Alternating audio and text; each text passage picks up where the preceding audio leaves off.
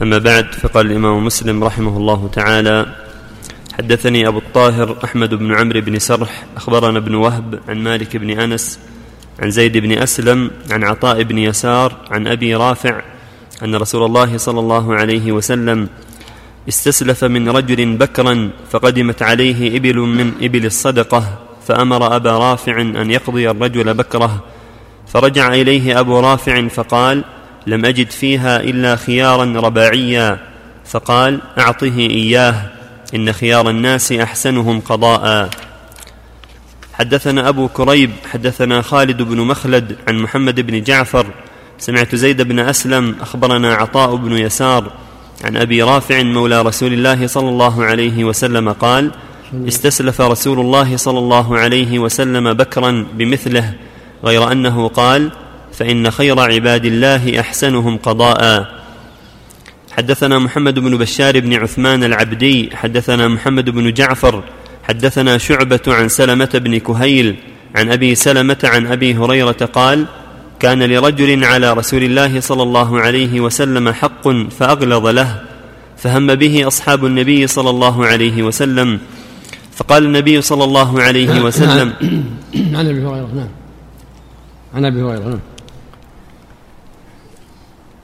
عن أبي هريرة. عن أبي هريرة قال كان لرجل على رسول الله صلى الله عليه وسلم حق فأغلظ له فهم به أصحاب النبي صلى الله عليه وسلم فقال النبي صلى الله عليه وسلم إن لصاحب الحق مقالا فقال لهم اشتروا له سنا فأعطوه إياه فقالوا إنا لا نجد إلا سنا هو خير من سنه قال فاشتروه فأعطوه إياه فإن من خيركم أو خيركم أحسنكم قضاء.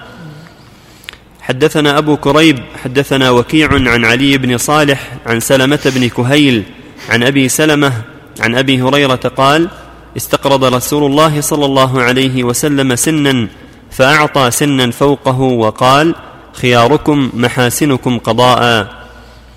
حدثنا محمد بن عبد الله بن نمير حدثنا أبي حدثنا سفيان عن سلمة بن كهيل عن أبي سلمة عن أبي هريرة قال جاء رجل يتقاضى رسول الله صلى الله عليه وسلم بعيرا فقال أعطوه سنا فوق سنه وقال خيركم أحسنكم قضاء. حدثنا بسم الله اللهم صل وسلم على هذا الحديثان حديث أبي رافع وحديث أبي هريرة كلها كلاهما يدلان على شرعية إحسان القضاء وأن الأفضل للمؤمن إذا كان عليه حق أن يوفي الحق بإحسان أو يزيد. فالرسول صلى الله عليه وسلم كان عنده سن لإنسان فأعطاه سن أعلى من سنه قال إن خياركم أحسنه قضاء. وفيه أن صاحب الحق ينبغي التقاضي معه والتسامح لو أغلظ في القول. فإن الرجل جاء وأغلظ في القول للنبي صلى الله عليه وسلم قال إنكم يا بني عبد المطلب كذا وكذا. فهم به الصحابة فقال صلى الله عليه وسلم فنهاهم صلى الله عليه وسلم وقال إن لصاحب الحق مقالا وفي رواية أن الرجل قال إنما فعلت هذا لأمتحن صبر الرسول صلى الله عليه وسلم لأن الرسل عليهم الصلاة والسلام. إنما يزيدهم الجهل عليهم صبرا وحلما. فأسلم عند ذلك ودخل في دين الله. فإذا كان إنسان يطلبك عشرة وأعطيته أحد عشر واثنى عشر فضلا منك من دون مشارطة ولا شيء فلا بأس. أو يطلبك سنا صغيرا فأعطيت سنا أكبر. فأنت أيضا مشكور إن خيار الناس أحسنه قضاء أو يطلبك مثلا بر أو رز أو ذرة فأعطيته أحسن وأطيب نوعا أطيب وأحسن. نعم. حدثنا يحيى بن يحيى التميمي وابن رمح قال أخبرنا الليث حاء وحدثنا قتيبة بن سعيد حدثنا ليث عن أبي الزبير عن جابر قال جاء عبد فبايع رسول الله صلى الله عليه وسلم على الهجرة ولم يشعر أنه عبد فجاء سيده يريده فقال له النبي صلى الله عليه وسلم بعنيه فاشتراه بعبدين أسودين ثم لم يبايع أحدا بعد حتى يسأله عبد هو؟ حدثنا يحيى بن يحيى وأبو بكر بن أبي شيبة ومحمد بن العلاء واللفظ ليحيى قال يحيى أخبرنا وقال الآخران حدثنا أبو معاوية عن الأعمش عن إبراهيم عن الأسود عن عائشة قالت اشترى رسول الله صلى الله عليه وسلم من يهودي طعاما بنسيئة فأعطاه درعا له رهنا. وحدثنا إسحاق بن إبراهيم الحنظلي وعلي بن خشرم. حدثنا يحيى بن يحيى وأبو بكر بن أبي شيبة ومحمد بن العلاء واللفظ ليحيى قال يحيى أخبرنا وقال الآخران حدثنا أبو معاوية عن الأعمش عن إبراهيم عن الأسود عن عائشة قالت اشترى رسول الله صلى الله عليه وسلم من يهودي طعاما بنسيئة فأعطاه درعا له رهنا. وحدثنا وحدثنا إسحاق بن إبراهيم الحنظلي. يتعلق بالبيع لا بأس أن يشترى من الكافر ولا بأس بالرهن. فالبيع والشراء ليس من الولاء والبراء فللمسلم أن يشتري من الكافر والكافر يشتري من المسلم. ولهذا النبي اشترى من اليهود طعاما وفي آخر حياته توفي ودرعه, ودرعه مرهونة عند يهودي في طعام اشتراه لأهله. فدل على فوائد منها جواز الشراء والمعاملة مع الكافر من موالاة ولا محبة. ثانيا جواز الرهن وأن الرهن لا بأس به في المعاملة كما قال تعالى فرهن مقبوضة ومنها جواز معاملة من في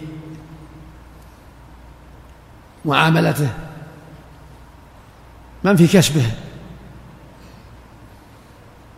خلط من الباطل وأن لا بأس أن يعامل الكافر والمسلم الذي في كسبه شيء لأن اليهود يتعاطون يتعاطون الربا والمعاملات الأخرى الرديئة ومع هذا اشترى منهم النبي طعاما.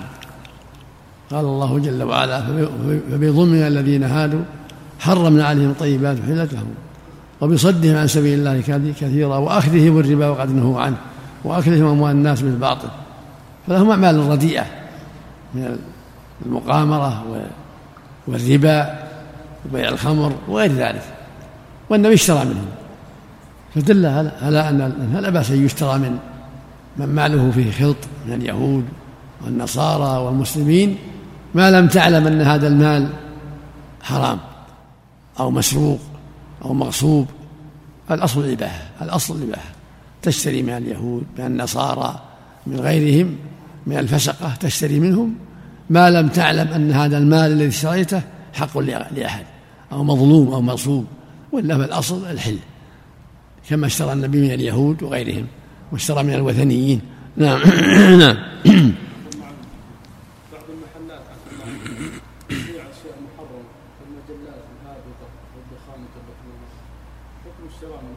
تشتري منهم الشيء المباح. الشيء المباح تشتري إذا باعوا اشياء طيبه تشتريها. باعوا مجلات طيبة تشتريها باعوا كتب طيبة تشتريها باعوا أواني تشتريها ولا تشتري الدخان ولا تشتري المحرمات. تنصحهم وتنكر عليهم تعلمهم الخير.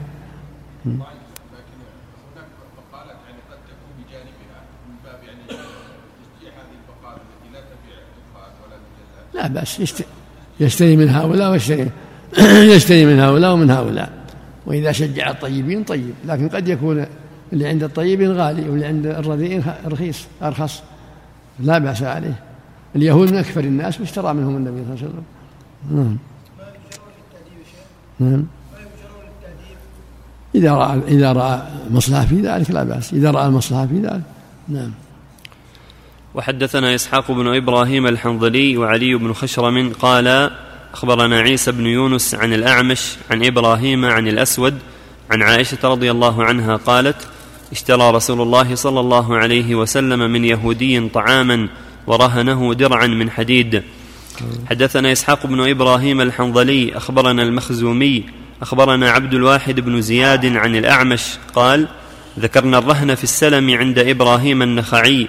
فقال حدثنا الأسود بن يزيد عن عائشة أن رسول الله صلى الله عليه وسلم اشترى من يهودي طعاما إلى أجل ورهنه درعا له من حديد. حدثناه أبو بكر بن أبي شيبة حدثنا حفص بن غياث عن الأعمش عن إبراهيم قال حدثني الأسود عن عائشة عن النبي صلى الله عليه وسلم مثله ولم يذكر من حديد. وحدثنا يحيى بن يحيى وعمر الناقد واللفظ ليحيى.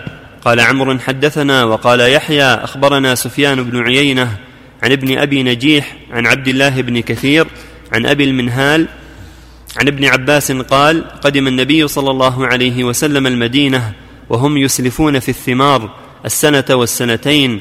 فقال من أسلف في تمر فليسلف في كيل معلوم ووزن معلوم إلى أجل معلوم. حدثنا شيبان بن فروخ حدثنا عبد الوارث عن, عن ابن نجيح قال حدثني عبد الله بن كثير عن أبي المنهال عن ابن عباس قال قدم رسول الله صلى الله عليه وسلم والناس يسلفون.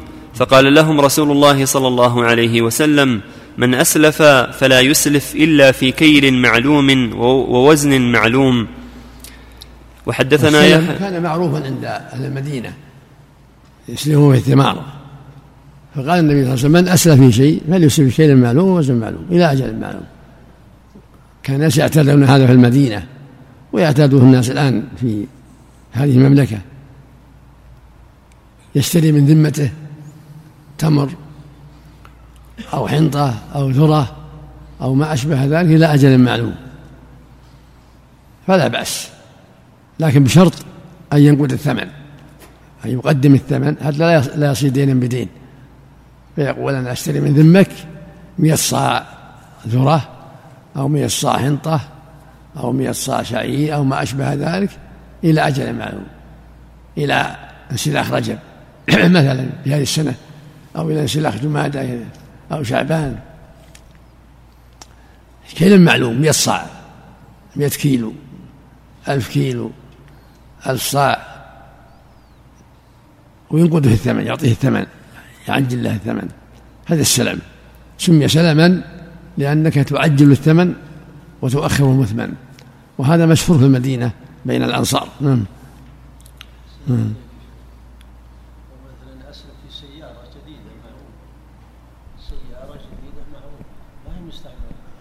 إذا إذا انضبطت بالصفات فلا بأس.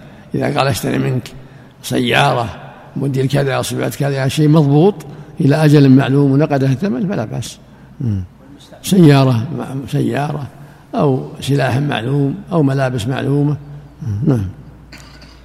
وحدثنا يحيى بن يحيى وأبو بكر بن أبي شيبة وإسماعيل بن سالم جميعا عن ابن عيينة عن ابن أبي نجيح بهذا الإسناد مثل حديث عبد الوارث ولم يذكر إلى أجل معلوم. وحدثنا أبو كريب وابن أبي عمر قال حدثنا وكيع حاء وحدثنا محمد بن بشار حدثنا عبد الرحمن بن مهدي كلاهما عن سفيان عن ابن أبي نجيح بإسنادهم مثل حديث ابن عيينة يذكر فيه إلى أجل معلوم. حدثنا عبد الله بن مسلمة بن قعنب حدثنا سليمان يعني ابن بلال عن يحيى وهو ابن سعيد قال كان سعيد بن المسيب يحدث أن معمرا قال قال رسول الله صلى الله عليه وسلم من احتكر فهو خاطئ فقيل لسعيد فإنك تحتكر قال سعيد حدثنا عبد الله بن مسلمة بن قعنب حدثنا سليمان يعني ابن بلال عن يحيى وهو ابن سعيد قال كان سعيد بن المسيب يحدث أن معمرا قال قال رسول الله صلى الله عليه وسلم من احتكر فهو خاطئ. فقيل لسعيد فإنك تحتكر. قال سعيد إن معمرا الذي كان يحدث هذا الحديث كان يحتكر.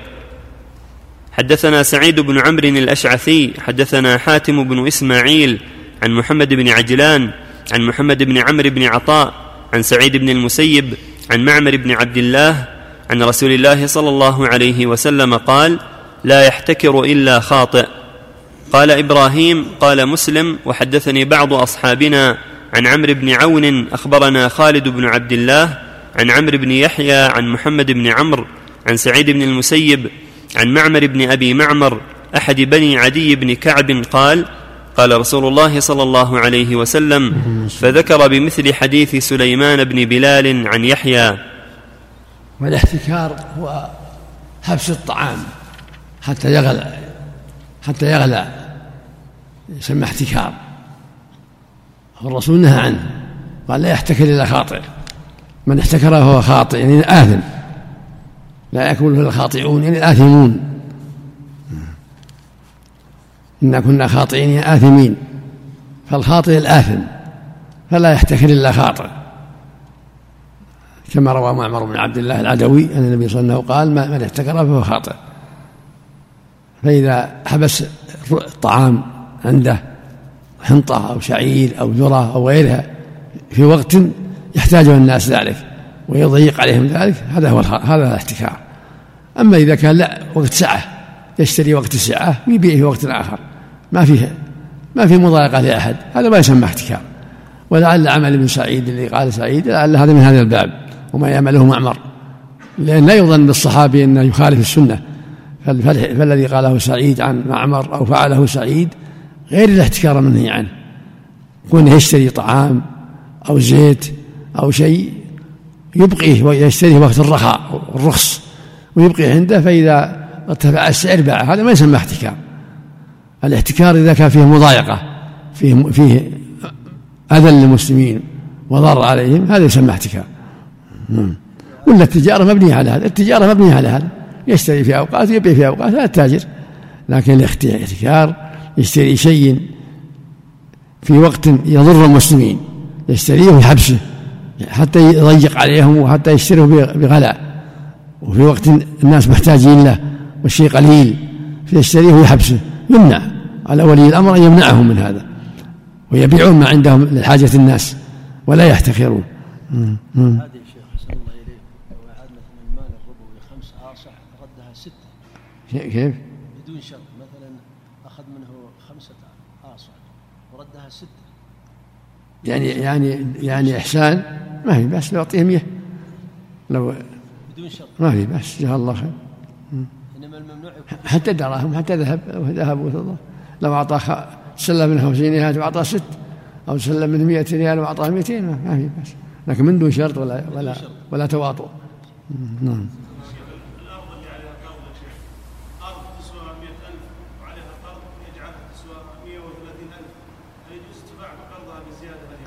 وش معنى هالكلام؟ قرض عليها قرض للحكومة قرض ملك العقار دين يعني دين. يعني دين باجل لهم حق في الحكومة ما أوفى صاحبها ها؟ ما هو بقرض ثمن ثمنه ثمن الأرض ثمن الأرض للحكومة يعني يعني وش فيه؟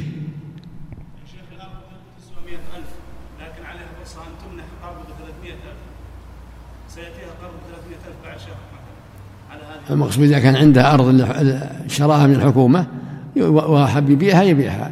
إذا اشتراها من الحكومة يبيعها ويوفي الحكومة حقهم. وإن سامحت الحكومة فلا بأس. إذا كان عنده أرض عليه الحكومة فيها مئة ألف أو أقل أو أكثر وباعها وسدد الحكومة حقهم أو حولهم على المشتري لا بأس. نعم. نعم.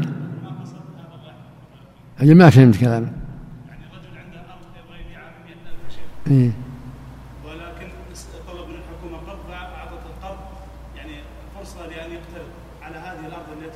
رهانه إنسان رهانه ما يبيعها إنسان رهانة الحكومة ما يبيعها إذا كانت الحكومة ارتهنتها أعطته قرضا وارتهنت الأرض ليس له بيعها إلا بإذن الحكومة. نعم. نعم. إيش؟ لا الأقرب الأقرب أنه يمنع أيضا حتى قال الطعام إذا شيء كان فيه ضرر على المسلمين. نعم. نعم. الله إليكم يا شيخ الوكالات التجارية. بجامع علة نعم. نعم. الوكالات التجارية هل هي من الاحتكار؟ شنو الوكالات؟ يعني إنسان معين يحتكر نوع مثلا من أنواع السيارات ما يبيعه إلا هو. هذا في تفصيل كان في يضر الناس يمنع كان يضر الناس يمنع وكان ما في ضرر أمر سهل نعم. حدثنا زهير بن حرب حدثنا أبو صفوان الأموي حاء وحدثني أبو الطاهر وحرملة بن يحيى قال أخبرنا ابن وهب كلاهما عن يونس عن ابن شهاب عن, عن ابن المسيب أن أبا هريرة قال سمعت رسول الله صلى الله عليه وسلم يقول الحلف منفقة للسلعة ممحقة للربح. سم. اللهم صل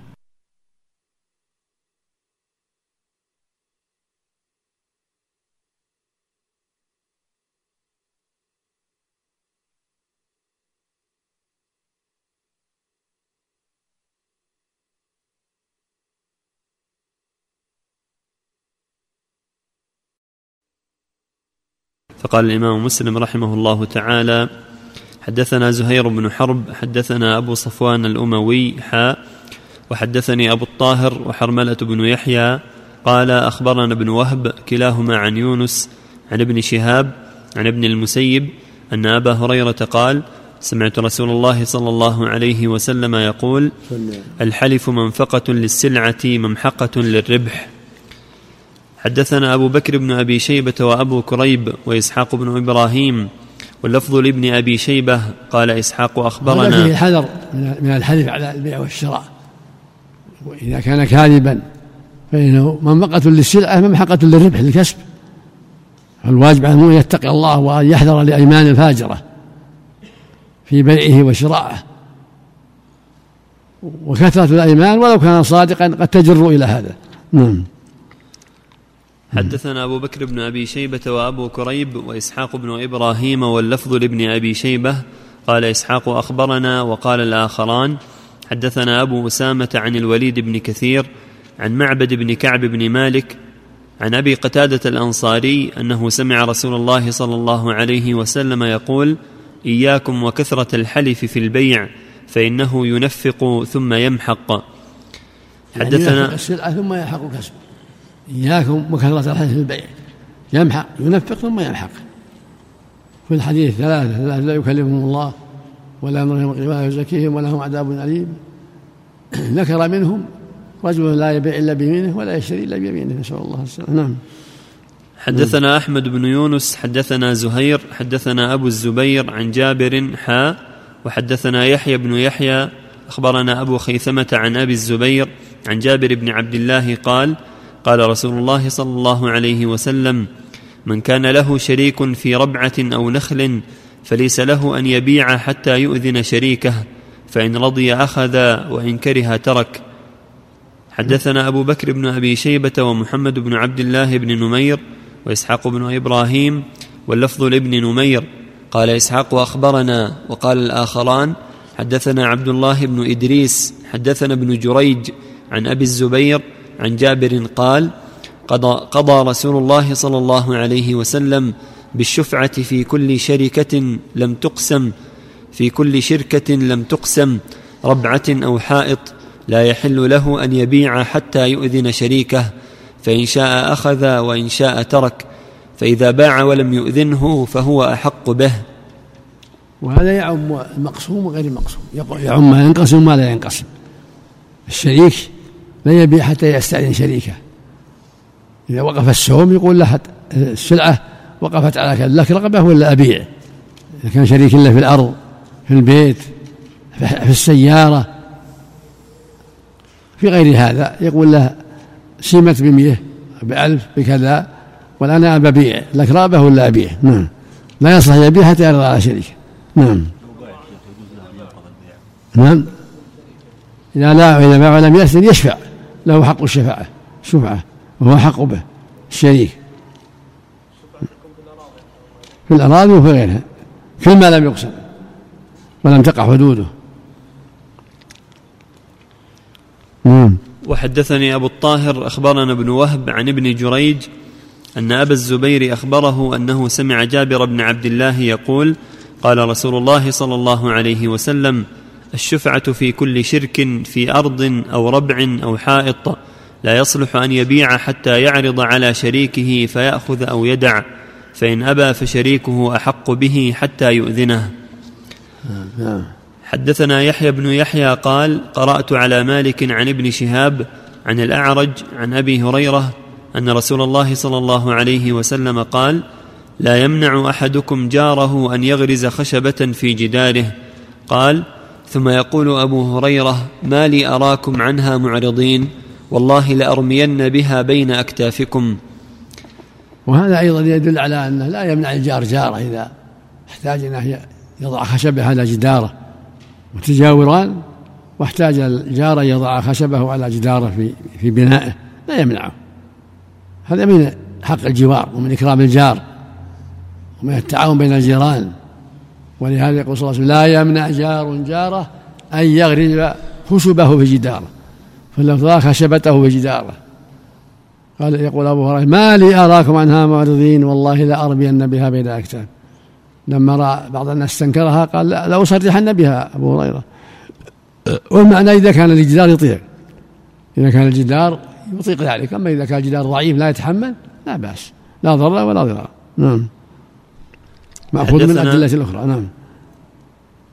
حدثنا زهير بن حرب حدثنا سفيان بن عيينة حا وحدثني أبو الطاهر وحرملة بن يحيى قال أخبرنا ابن وهب أخبرني يونس حا وحدثنا عبد بن حميد أخبرنا عبد الرزاق أخبرنا معمر كلهم عن الزهري بهذا الإسناد نحوه.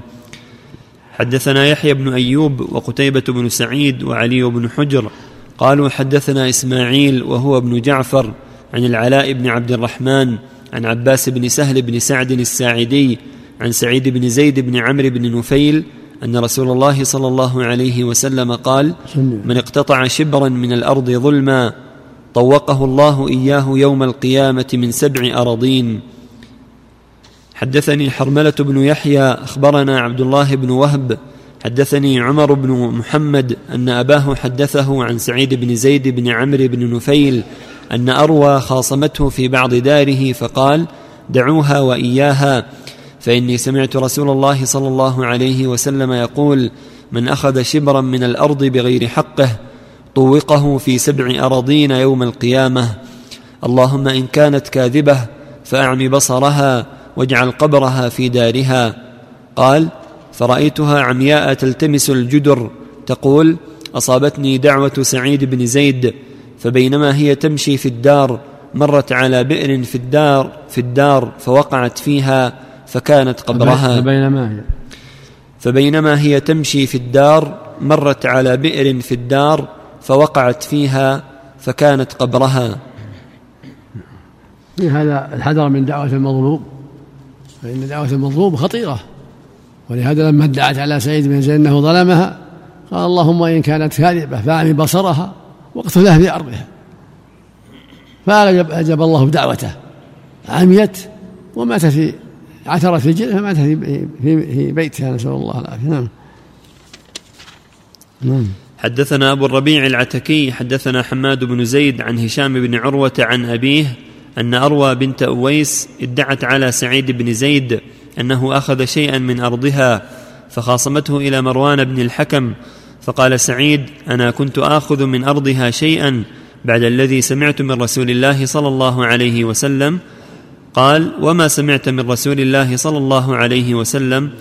قال سمعت رسول الله صلى الله عليه وسلم يقول من أخذ شبرا من الأرض ظلما طوقه إلى سبع أراضين. فقال له مروان لا أسألك بينة بعد هذا. فقال اللهم إن كانت كاذبة فعمي بصرها. واقتلها في أرضها.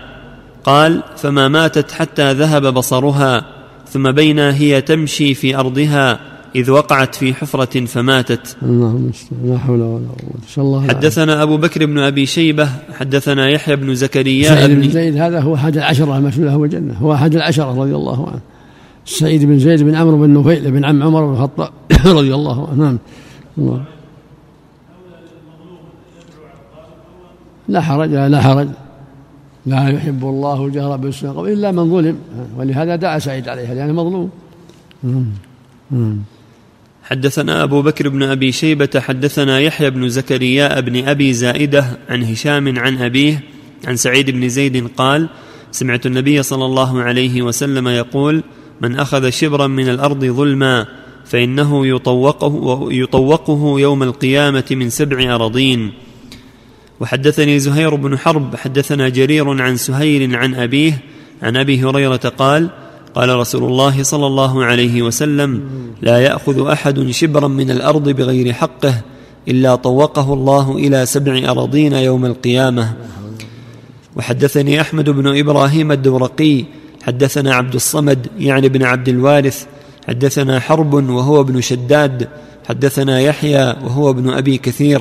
عن محمد بن إبراهيم أن أبا سلمه حدثه وكان بينه وبين قومه خصومة في أرض وأنه دخل على عائشة فذكر ذلك لها فقالت يا أبا سلمة اجتنب الأرض.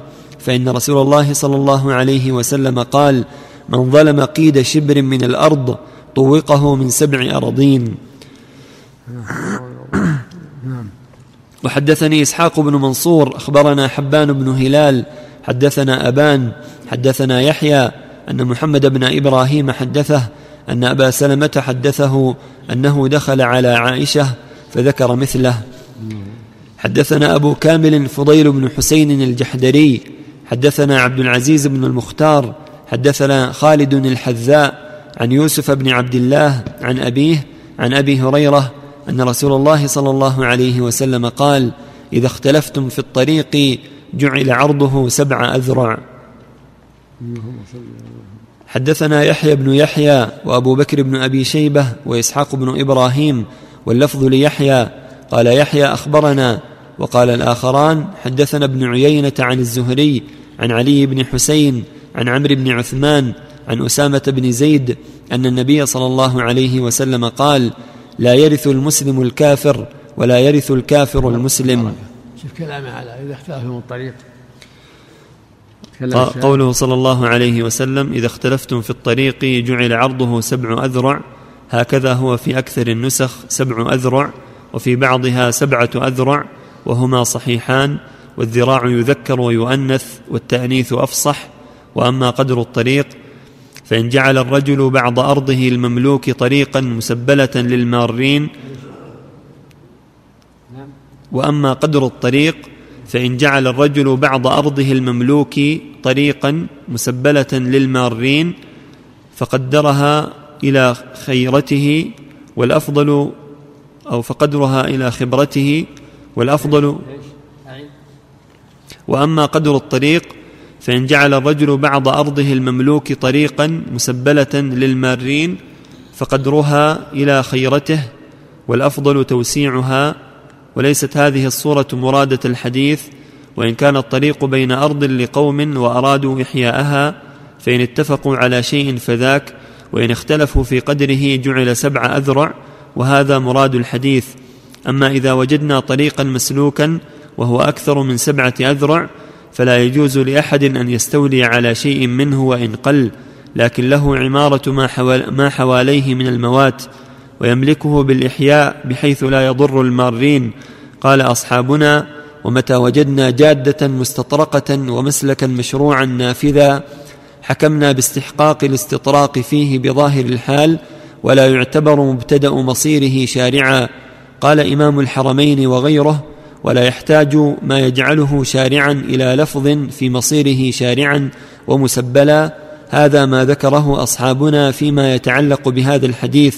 وقال آخرون هذا في الأفنية إذا أراد أهلها البنيان فيجعل طريقهم عرضه سبعة أذرع لدخول الأحمال والأثقال ومخرجها وتلاقيها. قال القاضي هذا كله عند الاختلاف كما نص عليه في الحديث فأما إذا اتفق أهل الأرض على قسمته وإخراج طريق منها كيف شاءوا فلهم ذلك ولا اعتراض عليهم لأنها ملكهم والله أعلم بالصواب. وإليه المرجع والمآب. المقصود بهذا إذا اختلفوا في طريق بينهم أرض ترجع سبعة أذرع لأنها فيها كفاية لمرور الدواب ونحو ذلك ودخول السيارة الآن ونحو ذلك. أما لمصلحة المسلمين فهذا يرجع إلى ولي الأمر في وضع الطرق لأن الأحوال تختلف. السيارات الآن والحاجة إلى التوسعة أمر مطلوب. فيضع ولي الأمر الطرق على حسب الحاجة والمصلحة التي يراها ولي الأمر. أما عرض بين الناس عرض بين اثنين أو بين ثلاثة أو أربعة إذا اختلفوا تجعل سبعة أذرع فيما بينهم. وإذا أرادوا الزيادة على ذلك فلا بأس. شوف الحديث الأول عندك أول حديث قرأته حديث أبي هريرة. أول حديث المح... حديث أبي هريرة اللي بعده. أول حديث قرأت اليوم بقتادة اللي اللي بعد الأول عن أبي قتادة. الحديث الثاني في أول قراءته.